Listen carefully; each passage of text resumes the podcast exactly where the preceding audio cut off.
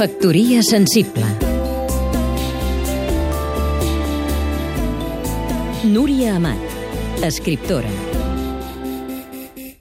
Els escriptors que admiro han sabut que literatura i vida són indivisibles al punt que dediquen una bona part de la seva obra a tractar d'entendre aquesta mena d'enllumenament intel·lectual.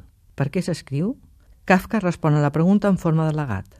Tota la meva manera de viure està centrada en la creació literària – dirà a la seva futura esposa Felice que tot seguit surt corrent d'aquest parany. En Milena, la seva amiga amant, serà encara més explícit. Sempre busco comunicar alguna cosa no comunicable, explicar alguna cosa inexplicable, parlar d'alguna cosa que tinc en els ossos i que només pot ser viscuda en aquests ossos. Motius semblants als de Kafka són els que han impulsat a quasi bé tots els autors universals. Qui se'n recorda d'ells? Avui en dia parlar de vocació literària és suïcidar-se. No hi ha temps per embolics mentals ara que els valors culturals dormen al cementiri. Literatura i mercat és una parella que es porta malament.